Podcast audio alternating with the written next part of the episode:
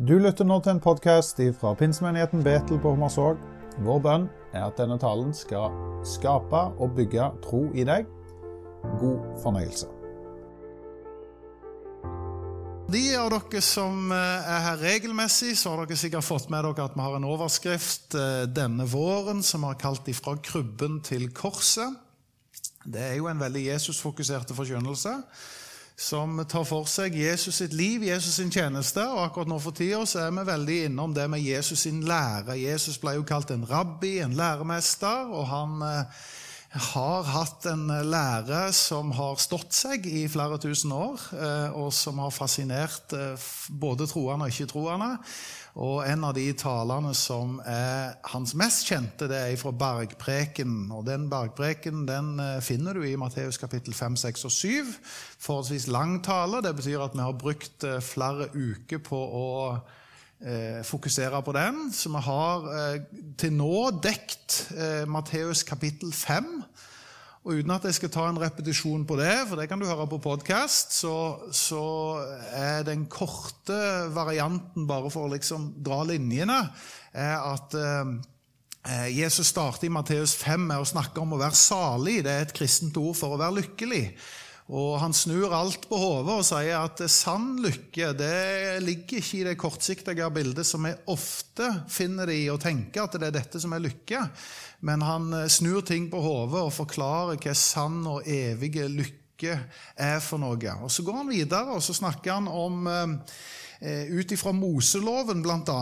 Guds morallov, som du finner i, i, i, De ti bud, og sier 'Dere har hørt det sagt, men jeg sier dere'. Så han er med, og han går inn, og så har han en sånn korrigerende tale der folk hadde en oppfatning av hvordan de ti bud skulle oppfattes og leves ut. Og så sier han Eh, det å forstå det som egentlig ligger bak, og forstå holdningen bak handlingen når vi skal lyde Guds ord, det er eh, en opplysning som revolusjonerer når Jesus kommer inn og sier 'Dere har hørt det sagt, men jeg sier dere'. Når vi kommer inn i kapittel 6, som vi skal prøve å berøre i dag Vi rekker ikke hele kapittel 6, men da eh, da skifter fokuset litt, og Jesus stopper med tre forskjellige åndelige disipliner som fulgte de første kristne. Det var kanskje de mest sentrale disiplinene av alle.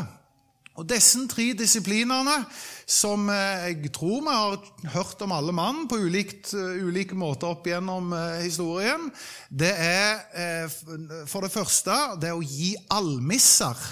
Det betyr i praksis på godt norsk det er å gi gaver til noen som trenger det. Du kan zoome det inn og si at det handler om å gi til de som er fattige, eller til å støtte noen som eh, skulle vært på leir, men som ikke har mulighet til å dra på leir.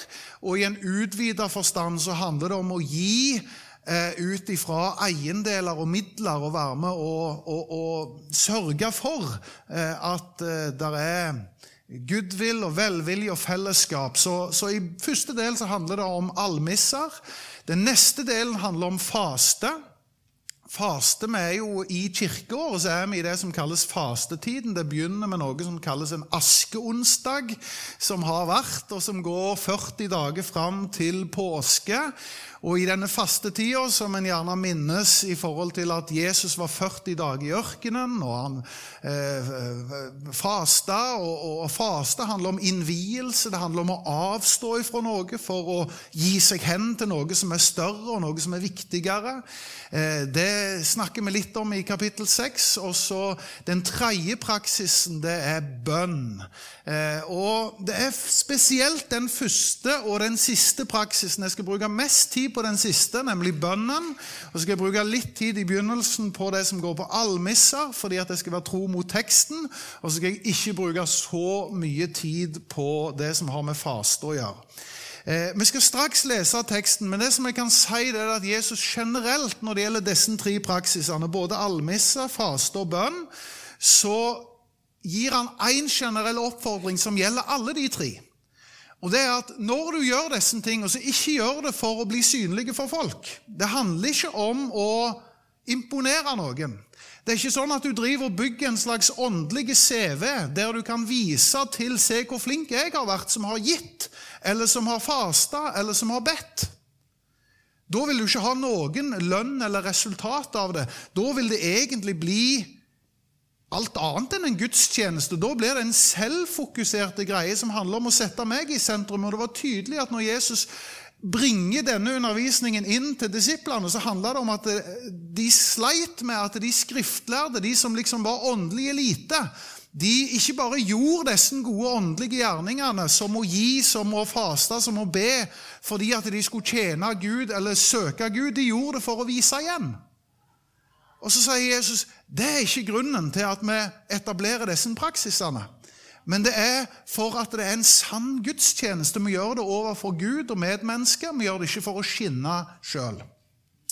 Og Da leser vi den første avsnittet her, som eh, det står som, som dette i kapittel 6. Pass dere for å gjøre gode gjerninger for øynene på folk, for å bli sett av dem. Da får dere ingen lønn hos deres far i himmelen. Når du gir en gave til de fattige, så skal du ikke utbasunere det slik hyklere, hyklere gjør i synagogen og på gatene for å bli æret av mennesker. Sannelig, jeg sier dere, de har alt fått sin lønn. Når du gir en slik gave, skal ikke din venstre hånd vite hva den høyre gjør. For at det skal være en gave i det skjulte, og din far som ser i det skjulte, skal lønne deg. Han nevner noe av det samme videre om bønn. Når dere ber, så ikke gjør sånn som hyklerne. De liker å stå i synagogen og på gatehjørnet og be for å vise seg for folk. Sannelig, jeg sier dere, de har alt fått sin lønn, men når du ber, så skal du gå inn i ditt rom og lukke din dør og be til din far som er i det skjulte, og din far som ser i det skjulte, skal lønne deg. Her har vi egentlig bare en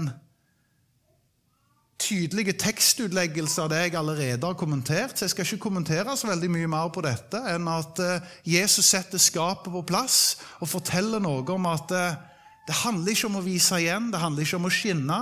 Det handler ikke om å imponere, men det handler om å gjøre en sann gudstjeneste. Og da kan du òg gjøre det i det skjulte. Nå hadde det vært naturlig å gå videre til vers 7. Og jeg kommer til vers 7, men av en eller annen snodig grunn så har Jesus denne talen, og så hopper han litt mellom tematikkene. For du ser at her begynte han med å snakke om gaver til de fattige. Og Så begynner han å snakke litt om bønn, og så kommer han til vers 7, som handler om Fader vår. og Det er det vi skal bruke mest tid på.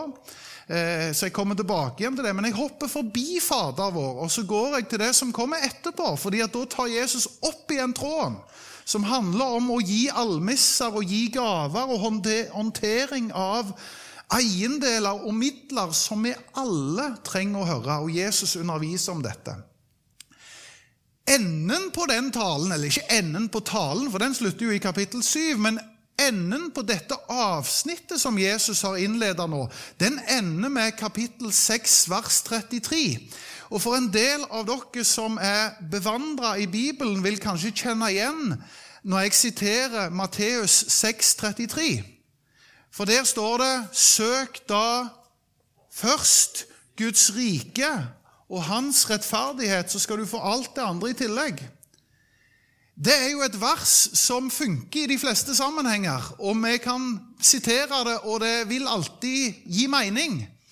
Men hvis du skal være tro mot teksten og se hvilken sammenheng det står i, så står det altså i denne sammenhengen med at Jesus har begynt å undervise om å gi til de fattige, om å gi almisser, og han begynner å ta tak i det og håndtere midlene våre og pengene våre på en sånn måte at vi ikke bare samler til oss sjøl, men at vi bryr oss om de rundt oss. Og så ender han det med å si i vers 33.: Søk da først Guds rike og hans rettferdighet, så skal du få alt det andre i tillegg. Altså ikke bruk alt på deg sjøl, men søk Guds rike med det du eier og har, så skal du få alt det andre i tillegg. Det er konteksten som Matteus 6,33 står i. Og Nå skal vi lese litt av det fra vers 19, for der står det om det udelte hjerter. Eller udelte hjerte. Dere skal ikke samle dere skatter på jorden, hvor møll og mark ødelegger, og hvor tyver bryter inn og stjeler, men dere skal samle skatter i himmelen, der verken møll eller mark ødelegger, og tyver ikke bryter inn og stjeler. For der skatten din er, vil også hjertet ditt være. Øyet er kroppens lampe. Om øyet ditt er klart, er det fordi kroppen er fullt av lys. Men om øyet ditt er sykt, er det fordi kroppen er fullt av mørke. Er nå lyset i deg, i deg mørke, hvor dypt blir ikke da mørket? Ingen kan tjene to herrer. Han vil hate den ene og elske den andre, eller holde seg til den ene og forakte den andre. Du kan ikke både tjene Gud og mammon. Det er konteksten som Jesus her deler. La meg gi noen kommentarer på det som står her. For her står det jo veldig tydelig at eh, det er akkurat som det kan være en fare for oss mennesker at vi er opptatt av å samle oss gods og gull her på jorda. Det er tydelig at det er en issue som eh, folk strever med, og jeg tror det er en tidløs utfordring. Og Jesus sier da, ganske i klartekst, der skatten din er, vil også hjertet ditt være. Hvis vi ser sammenhengen dette står i, så står det altså om, om håndtering av midler og penger. Det står om almisser, om å gi til de fattige. Der skatten din er, vil også hjertet ditt være.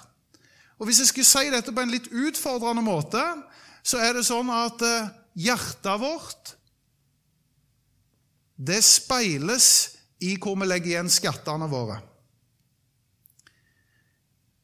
Eller sagt på en annen måte kontoutskriften forteller veldig mye om hjertet ditt.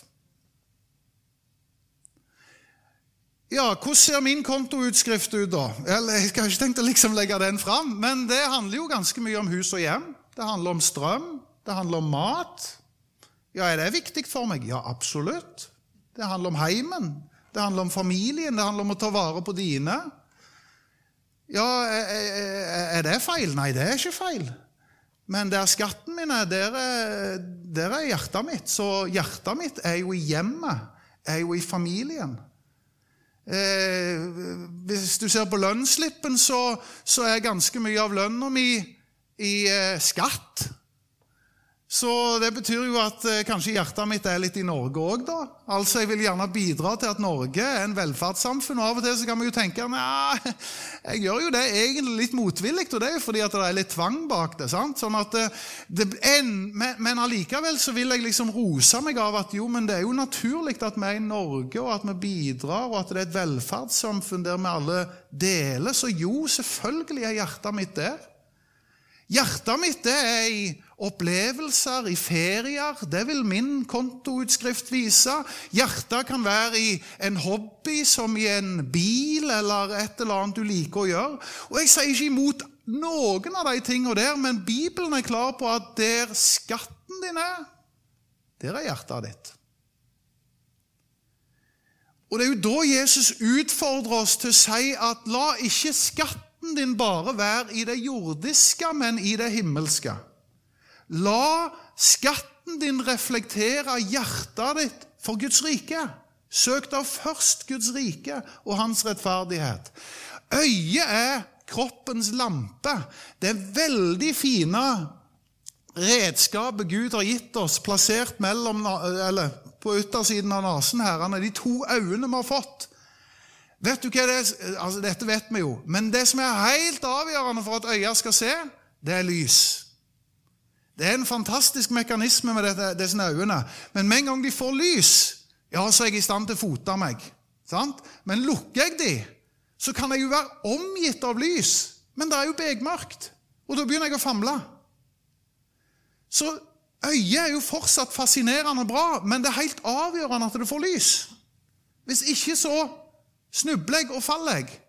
Og jeg tror Jesus prøver å fortelle oss noe om at det er noe vi lett blir blinde for. Selv om vi egentlig er omgitt av lys. Vi er omgitt av Guds ord, av Jesus sin lære, som prøver å gi oss rettledning og veiledning. Men det er akkurat som vi av og til bare blindes for det, som ikke er i stand til å ta de rette valgene. Og en av de tingene jeg tror vi kanskje har vanskeligst for å innse, det er når vi blir selvopptatte og grådige og blir oss sjøl nok og bare handler om meg og mitt og det jordiske, og ikke har det himmelske perspektivet for øye. Jeg har vært pastor og leder i kirkelige sammenhenger i så mange år at jeg har møtt veldig mange folk som på ulike måter har henvendt seg og sagt noe om utfordringene og problemene i livet. Det er noe av det som kommer med jobben. Og det setter jeg pris på. Det er fint. Det kan være alt fra en melding eller i en forbønnskø eller noen som tar kontakt for en samtale, men på ulike måter. Og Når jeg har analysert hva er det folk kommer for, så kommer de for alt mellom himmel og jord. Og det er personlige synder, det er bekymringer, det er ting en skal be for. Men jeg tror faktisk jeg har til gode at noen kommer og sier 'Pastor, kan du be for meg?' Jeg opplever at jeg er såpass grådig. Jeg tenker bare på meg sjøl. Det, det er det ingen som har sagt noen gang. Jeg sliter sånn med at jeg bare bruker pengene på meg sjøl. Vi kan ha alle mulige slags åpenbare ting som vi liksom tenker ja, der er vi på kollisjonskurs med Guds ord. Men med en gang det handler om disse tingene her, så tror jeg det er litt sånn som Bibelen sier her. Du blir blind for det sjøl. Du ser ikke.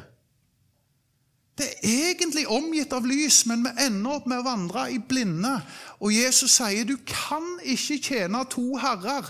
Du kan ikke ha penger og eiendeler i sentrum og ha Jesus i sentrum, eller Gud i sentrum. Gud og mammon det er to ting som på en måte ikke kan forenes.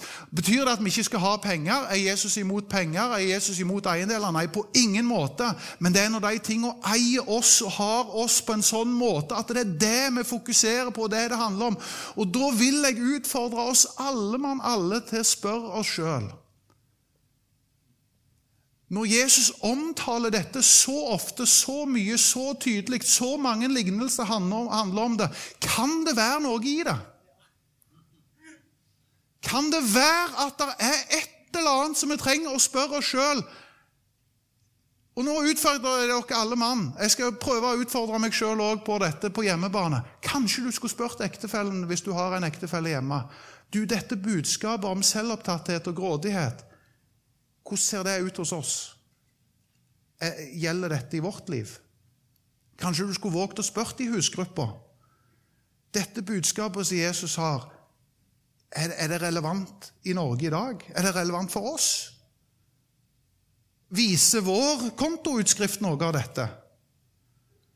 Ja, hvis du våger å utfordre det, da våger du å ta Guds ord på alvor. Og Jeg ser på mange måter menighet og Guds rike som et stort sånn tapasbord. Se for deg tapas. Hva er tapas for noe? Tapas er å si eh, Gjerne sånn 'bring a dish', er det ikke det de kaller det? sant? Alle bringer litt til bordet. Og det er ikke alle som kan bringe like mye. Sånn er verden skrudd sammen. Vi har ulike forutsetninger. Men hvis alle bringer litt, så blir det nok til alle. Og jeg er sikker på at du er enig i dette prinsipielt. Men ofte så blir det en utfordring når vi snakker om det i en Guds rike-sammenheng. fordi at du er uenig i at ja, bør ikke folk flest betale skatt for at det skal bli gratis helsetjenester, for at det skal bli skole og utdanning, for at det skal bli eldreomsorg? Jo, klart vi skal være det. Vi skjønner at de som tjener millioner, må betale mer, og de som betaler mindre, de må betale mindre. Det skjønner vi. sant? Så vi er enige i prinsippet av tapas. Men hvis du tenker sjøl at du inviterer nabolaget ditt til tapas La oss si dere hadde en nabolagstradisjoner i fantastiske gater dere bodde i, og hver fredagskveld var det taco eller tapas. Og prinsippet var vi kan godt være i vårt hus, men alle bringer en rett. Hvis det var sånn at det var en gjest gang nummer én og to og tre som ikke bringte fordi at de ikke hadde helt skjønt hva det gikk i, så hadde du tenkt ja, ja, de er gjest, så det går bra. Null stress. Her er det hjerterom, her er det husrom. Kom som du er. Selvfølgelig får du. Men hvis de i gata som hadde vært der i fem år og ti år, aldri bringte med seg en tapasrett, men de alltid lente seg på å spise i huset, ville du ikke tenkt litt underlig, det der greiene der? Hæ? Er ikke det litt rart? Og så snur vi dette over til menighetssammenheng, til fellesskap, til, til å være rause, til å bry seg. Og Nå kan vi snakke om det helt ned i en sånn gi til de fattige. Men vi kan òg snakke om det i en større sammenheng som Jesus tar herrene. Hvordan bruker vi eiendelen og pengene våre? Og jeg vil si, kjære menighet, og nå snakker jeg ikke til gjester Det er helt naturlig å bringe en rett til bordet. Det er helt naturlig å være med og bidra, ja, med evne, gaver, eh, talenter, men òg med kroner og øre. Fast givertjeneste burde være det mest selvsagte for noen som går i en menighet. Veldig rart hvis du går år etter år og tiår etter tiår og tenker at ja, men jeg, jeg, jeg, jeg, tar jo av dette bordet, men jeg bringer ikke noe til bordet. Er jeg tydelig nå, eller? Veldig rart. Ok, jeg prøver å være tro mot teksten, for jeg mener at dette da står. Um, og jeg vil kanskje legge til det jeg, jeg, vil ikke si det med en sånn 'unnskyld meg', fordi at dette er så essensielt og sentralt. Det er så, det er så sentral del av Jesus sin lære at jeg tenker det skulle bare mangle. Om du så begynner i det lille at du begynner med en 200-lapp, eller hva det måtte være. Vær med å gi inn. Der skatten din er, der er òg hjertet ditt. Du kommer til å få et hjerte for det du gir til. Det garanterer jeg. Nå spoler jeg tilbake igjen, for Jesus har altså delt denne undervisningen. Jeg eh, sa at det skulle handle om almisser og gaver, men jeg sa at det skulle handle mest om bønn. Så hvis du tenker at har du ikke talt lenge allerede, da skjønner du at ja, vi har litt igjen. Eh, men her er altså bønnen som kommer på bordet. Ifra vers 7 så begynner Jesus å ta tak i noe som er en bønn som sikkert veldig mange av oss kjenner. Eh, hvis du hadde gått til Lukas kapittel 11, så står det i en litt annen setting. For Lukas kapittel 11 så har, kommer disiplene til Jesus og sier 'Lær oss å be'. Altså, De var rett og slett fascinert av Jesus sitt bønneliv og sa sånn som du ber, og sånn som du kommuniserer med Gud i himmelen, der har vi noe vi vil lære. Her tar Jesus bare rett ut og underviser, men i Lukas 11 så spør de altså. Og dette er da det Jesus prøver å forklare dem. Han sier når dere ber, så skal dere ikke ramse opp ord sånn som hedningene. De, de tror de blir bønnhørt ved å bruke mange ord. Vær ikke sånn som de. Men dere har en far som vet hva dere trenger, før dere har bedt han om det. Slik skal dere da be. Så kommer det da den mest kjente bønnen vi kjenner til, som da enten heter Fader vår på, i gamle dager eller i nyere språkdrakt Vår Far i himmelen. Det er litt sånn forskjellige bibeloversettelser. Det er én bønn, men det er egentlig seks forskjellige bønner. Eller petisjoner, som det kanskje kalles. Det vil si at det er én bønn, men samtidig er det et mønster. Du lærer noe av rytmen i bønn som kan være til inspirasjon for oss. Og Nå skal vi ta oss og stoppe litt med dem. Vi skal ikke stoppe med hele bønnen, vi skal ta resten av bønna eh, neste søndag. Men de tre første fokusene handler om Altså de tre første bønnene i Fader vår, de handler om Gud. De tre neste, det handler om oss. Dette fremgår ganske tydelig hvis jeg switcher bildet her, og så sier du at uh, her finner du en rekkefølge. Ser dere de utheva ordet? Hvis du skal lære hva er essensen av Fader vår, så er det ditt, ditt, din, oss, oss, oss, ditt. Så om du ikke husker noe annet fra dagens tale, så kan det være dette kan være noe som kan feste seg. Fader vår lærer oss ditt, ditt, din, oss, oss, ditt. Hva forteller det? Jo, det forteller at bønnens fokus ikke starter med ønskelistene og behovene, men det starter med å henvende seg til Gud. Slik skal dere da be, vår Far i himmelen. La navnet ditt helliges. La riket ditt komme. La viljen din skje på jorden slik som i himmelen. Gi oss i dag vårt daglige brød, og tilgi oss vår skyld, slik også vi tilgir våre skyldnere. Og la oss ikke komme i fristelse, men frels oss fra det onde, for riket er ditt, makten og æren i evighet. Amen. Ca. 18% siste undersøkelse som er gjort, ca. 18% av nordmenn ber daglig til Gud. Vi er ca. dobbelt så mange som finner og svensker. Så akkurat der gjør vi det bedre enn finnene og svenskene. 18% av nordmenn. Det er tydelig at bønn er noe som er naturlig, som preger livet til veldig mange nordmenn. Bønn er noe som er viktig for oss. Det handler om å henvende seg til Gud med de behovene vi har, ja. Men her lærer Jesus oss at eh, før behovene så handler det om å henvende seg til Gud. Hva ser vi her? Her ser vi vår Far i himmelen. Bønn har en adresse. Bønnens adresse er Gud som far. Det forteller òg noe hvem vi er. Det gjør at vi er barn. Og det å komme til far, det er noe som bør være uanstrengt, naturlig, uten spesielt mange religiøse fraser. Det er å tre inn og ha en relasjon mer enn en prestasjon eller en religion. Det er en relasjon. Far-barn. Vår Far i himmelen. Ja, hva er adressen til Gud? Himmelen.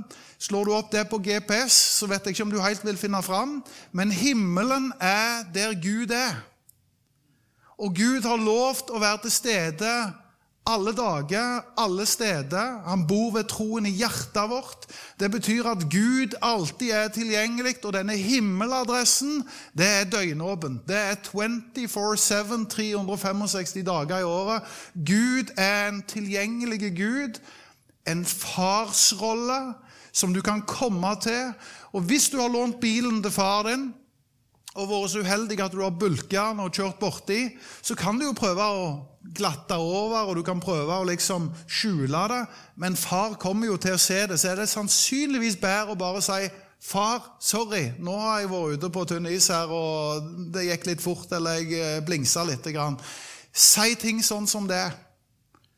Fader vår forteller oss noe om at vi kan henvende oss til Gud naturlig i en relasjon med det vi er og har, og komme inn for Han og si det som det er.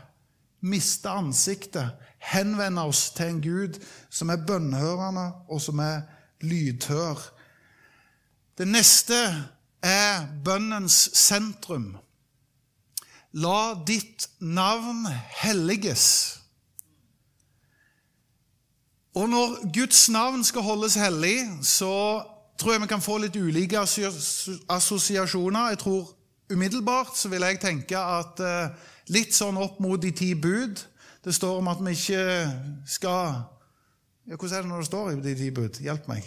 Du skal ikke misbruke Guds navn, er det ikke det det står? sant? Og Da tenker jeg intuitivt lett sånn at ja, da skal jeg i hvert fall prøve å renske språket mitt, sånn at det ikke er for mye banneord og for mye stygge ord. og Da misbruker jeg Guds ord med, med banning. Det er jo derfor det egentlig er veldig stygt med banneord. fordi at eh, Hvorfor bruker du Guds navn til noe sånt? Men jeg tror det er noe som er enda dypere enn om vi klarer å mestre oss nok til å bruke banneord eller ikke. Jeg tror jo at Bibelen viser oss tydelig, spesielt i Gammeltestamentet, hvordan Guds folk fra tid til annen eh, eh, drog Guds navn ned i søla. Det står i Esekiel om å vanhellige Guds navn. Og nå tror jeg ikke det er mitt og ditt ansvar å kalle det bære Guds navn rundt forbi som om Gud ikke klarer å stå på egne bein. Men jeg tror det er vår rolle å anerkjenne Hans navn ære han og tilbe han for den han er. Og gjennom hele historien, hele bibelhistorien, så leser du om navn som ble brukt, og navn hadde en betydning. I dag så kaller vi ungene våre for det ene og det andre, og det har ikke en særlig betydning annet enn at vi tenker fint navn. Men i bibelsk forstand så hadde navn en betydning. Navn har makt og kraft i seg fordi at det forteller noe. Det å holde Guds navn hellig, det er å òg bruke det navnet i de rette anledningene og gi det den oppmerksomheten fordi at det er et mektig, kraftfullt navn. Noen navn har rett og slett en betydning. Du kan av og til kjenne noen folk som kan si noe sånt til deg at du, hvis du går i den butikken, ta så hils ifra meg. Så vil sannsynligvis et navn gjøre at du får en eller annen rabatt eller en eller annen gode. Sant? For det er noen navn som bare Jeg kjenner den og den.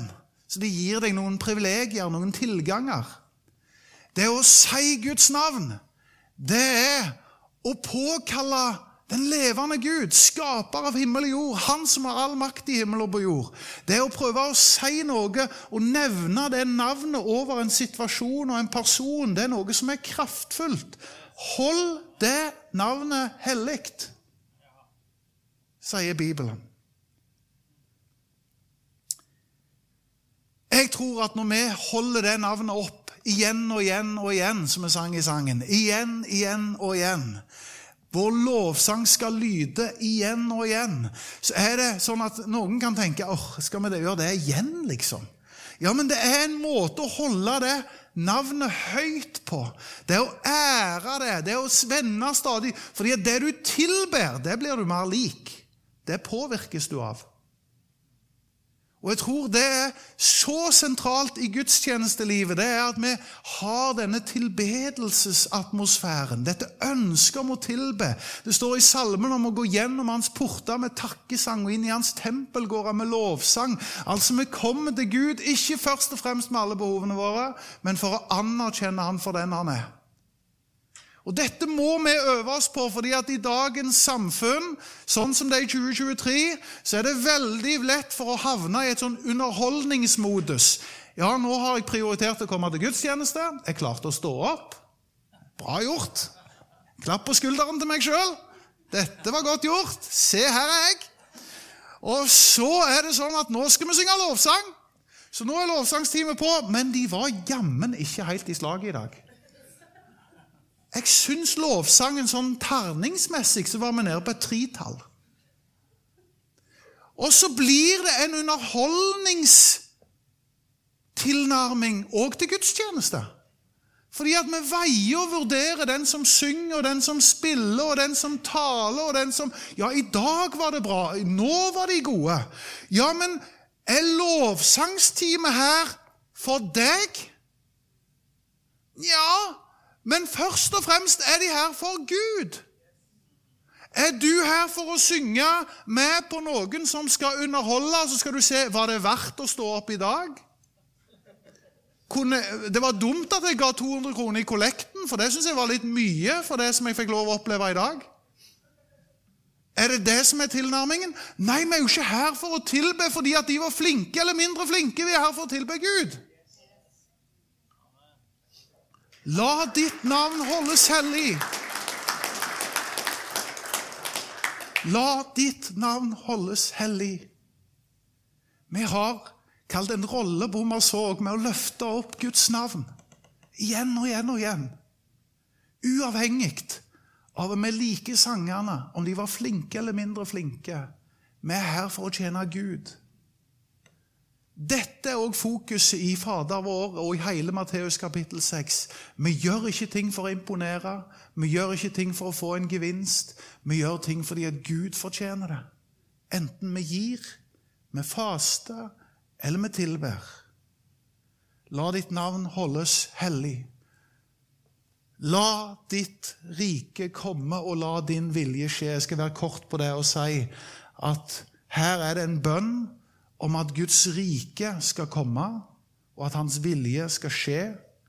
Og jeg vil si Hva er Guds rike? Guds rike er der Gud troner, der Gud får sin vilje. Disse ordene henger sammen. Ri. Jesus sa han kom for å forkynne Guds rike.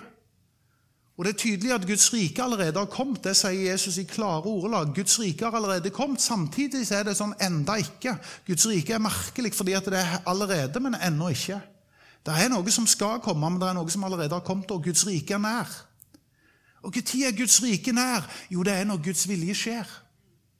Så der Guds vilje skjer, der er Guds rike.